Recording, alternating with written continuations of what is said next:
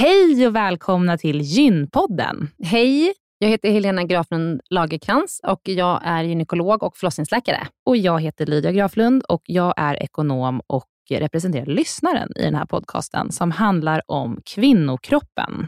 Det är vetenskaplig fakta om kvinnokroppen och det du hör i den här podden är det som man kan höra om man får träffa en läkare eller en barnmorska i ett eh, möte. Men ibland så bjuder vi in gäster som berättar om sina personliga erfarenheter och ibland är det också spekulation, men då är det verkligen tydligt att det är spekulation. Annars är grunden för den här podden vetenskaplig fakta om kvinnokroppen. Så är det. Hoppas att ni vill lyssna. Välkomna. Välkomna.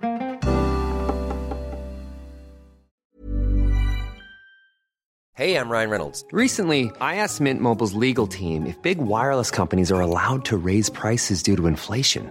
They said yes. And then when I asked if raising prices technically violates those onerous two year contracts, they said, What the f are you talking about, you insane Hollywood ass? So to recap, we're cutting the price of Mint Unlimited from $30 a month to just $15 a month. Give it a try at mintmobile.com slash switch. $45 up front for three months plus taxes and fees. Promo rate for new customers for limited time. Unlimited more than 40 gigabytes per month. Slows. Full terms at mintmobile.com. Det här poddavsnittet är sponsrat av SDCare. Det är vårt vårdbolag som vi har varit med och startat som arbetar med kvinnohälsa. Ehm, och I vår app så kan man träffa gynekologer, barnmorskor, sexologer och allmänläkare som kan ge råd och behandling för besvär och problem som till exempel mens, PMS, klimakteriet, infektioner och sådär. Jag säger ofta till dig om att jag har fantastiska vårdmöten i vår eh, app eh, SDK och det är för att jag tycker att det är så viktigt att träffa kvinnor på eh, deras villkor, när de kan ses och eh, utan att de behöver resa långa, långa sträckor för att träffa en gynekolog eller kanske vänta i ett helt år för att få träffa en gynekolog. Och, eh, nyligen så hade jag en kvinna som hade jättebesvär med jätteriklig och smärtsam mens. Hon hade haft det ända sedan hon fick sin första mens när hon var 12 år gammal. Och eh, Hon grät en skvätt och jag grät en liten skvätt för jag tänkte på alla unga flickor som går där ute som får sin första mens här nu de här dagarna som kommer eller veckorna som kommer och som ska gå och lida på det här sättet som den här tjejen hade gjort. Och Det finns så mycket hjälp att få och den här hjälpen ska man få överallt, men man måste ju få träffa, när det väl kommer till behandling så måste man ju få träffa någon som faktiskt vet vad är det för behandling som är effektiv. Man ska aldrig behöva höra att det är så här det är att vara kvinna. Mm. Eh, och Det är ju därför vi har startat SDK. Ja, det är det ju och det är jätteviktigt som du säger Helena, att få komma just till en specialist som kan området och eh, verkligen ge dig den hjälpen som du förtjänar som kvinna. Och vi har ju faktiskt hjälpt över 4 000 kvinnor från hela Sverige mm. eh, i dagsläget och vi lanserade vårdplattformen förra året. Visst känns det fantastiskt? Det är jätteroligt och jag är jätteglad för det. Så ladda ner SDK-appen i App Store eller Google Play, så kan du också träffa en av våra fantastiska specialister digitalt. Och eh, du kan få en tid, säkert redan imorgon, om det är så att du behöver det. Så välkomna! Välkomna!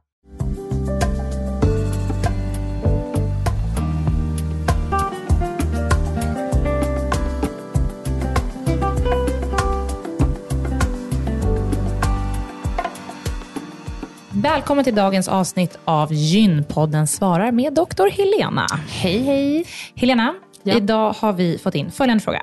Kan testosteron öka sexlusten hos kvinnor?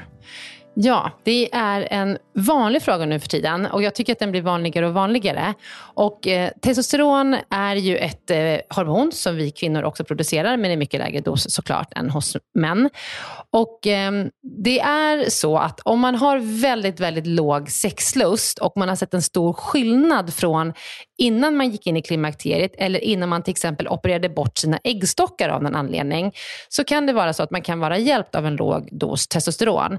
Men det är verkligen inte för alla. För att som det eh, upplevs ibland i media eller sådär, så kan det låta som att om du har låg sexlust, så ta lite testosteron så är problemet löst. Men det är oftast inte så att det är låga testosteronhalter som leder till att man har låg sexlust. Eh, och är man i klimakteriet så är det oftast att man sover dåligt, man svettas, man har vallningar, man går upp i vikt, man är inte nöjd med sitt liv och sig själv just nu. Och då är det ju jätteviktigt att man börjar med en eh, klimakteriebehandling med östrogen och gukroppshormon. Och att det är liksom den som är den första behandlingssteget, om man inte har kontraindikationer för det såklart. Men Eh, och väldigt många tycker också att det blir bättre då. Eh, sen är det jätteviktigt att man behandlar eh, lokalt med östrogen i slidan om man har torra slemhinnor och tycker att det gör ont med samlag. Men ibland, i, hos en liten grupp kvinnor så kan det faktiskt vara så att man till exempel hade en bra sexlust och så går man igenom en operation där man, när man till exempel opererar bort sina äggstockar och sen ser man en stor skillnad efteråt, trots att man redan har tillsatt östrogen. Då, då kan det vara så att, att testosteron kan vara lämpligt för den personen.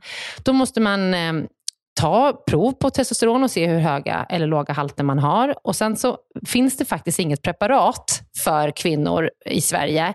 Så att det är liksom den testosterongelen som finns, den är gjord för män. Och dosen är lite för hög för oss kvinnor. Så att då får man ta en låg dos varannan dag. Det här är liksom en gel som man, som man pumpar ut från en liten flaska och så får man smörja varannan dag bara. Vart smörjer man det? Ja, man smörjer, jag tror att man smörjer på insidan av låren. Um, och sen så eh, måste man kolla testosteronvärdena med jämna mellanrum så att man liksom inte bara eh, fortsätter liksom, utan att följa upp hur den här behandlingen fungerar. Och sen så vill man ju se att det blir en effekt på sexlusten, annars ska man inte fortsätta med den. Men det är jätteviktigt att man liksom verkligen tar det här med risken för biverkningar i beaktning. För att dels är det i form av akne och att man kan få eh, liksom ökad kroppsbehåring. Men man kan också få allvarliga androgena biverkningar som att man får en röstpåverkan, att man får liksom en mycket mörkare röst det går inte tillbaka. Mm. Eh, är det här likt eh, symptomen man har när man har PCOS? För då har man väl lite förhöjd testosteronnivå? Ja, men det, det, här är mer, ännu mera. Men mm. just i och för sig akne och eh, ökad behåring, det kan man ju se vid PCOS också. Men, eh, så det är viktigt att man följer serumnivå, alltså blod, testosteronet i blodet hos de här kvinnorna som har den här mm, behandlingen. Så i en grupp utvalda kvinnor som har liksom specifika symptom så kan det vara bra. Men inte till den breda liksom, massan av kvinnor som har nedsatt sexlust. Då måste man försöka hitta nyckeln till varför har man nedsatt sexlust mm. innan man bara liksom öser på med en, östrogen, eller med en testosteronbehandling. Just det. Och vart, om, man, om man vill ha hjälp med det här, mm. då söker man den här typen av hjälp hos gynekolog? Ja, hos en gynekolog. Och, eh, jag, jag tror utan att veta säkert, men att det är ganska låg eh, kunskap om det här på vårdcentralerna. För jag har träffat flera patienter som har varit på vårdcentralen där de säger bara nej, nej, det här vill vi inte liksom sätta in och sådär. Så, det gäller nog att försöka hitta en, en gynekolog som känner sig trygg i att behandla det här. Liksom, när ska man sätta in det eh, och eh, i vilken form och hur ska man följa upp det? Så att, eh, jag tror att det är en eh, välinsatt gynekolog som kan hjälpa dig bäst med det. Toppen! Mm. Tack för det svaret Helena. Tack. Vad är det vi ska podda om eh, nästa vecka? Nästa vecka ska vi podda med Helena Kopp Kallner om utomkvedshavandeskap. Mm. Det ska bli spännande. Vi får många frågor om det. Vår favoritdoktor. Ja, hon är vår favoritdoktor. Varför får man utomkvedshavandeskap? Vad kan man göra för att förebygga det? Hur behandlar man det? Mm. Eh, så lyssna då eh, och ha det så bra tills dess. Hej då! Tack, hej!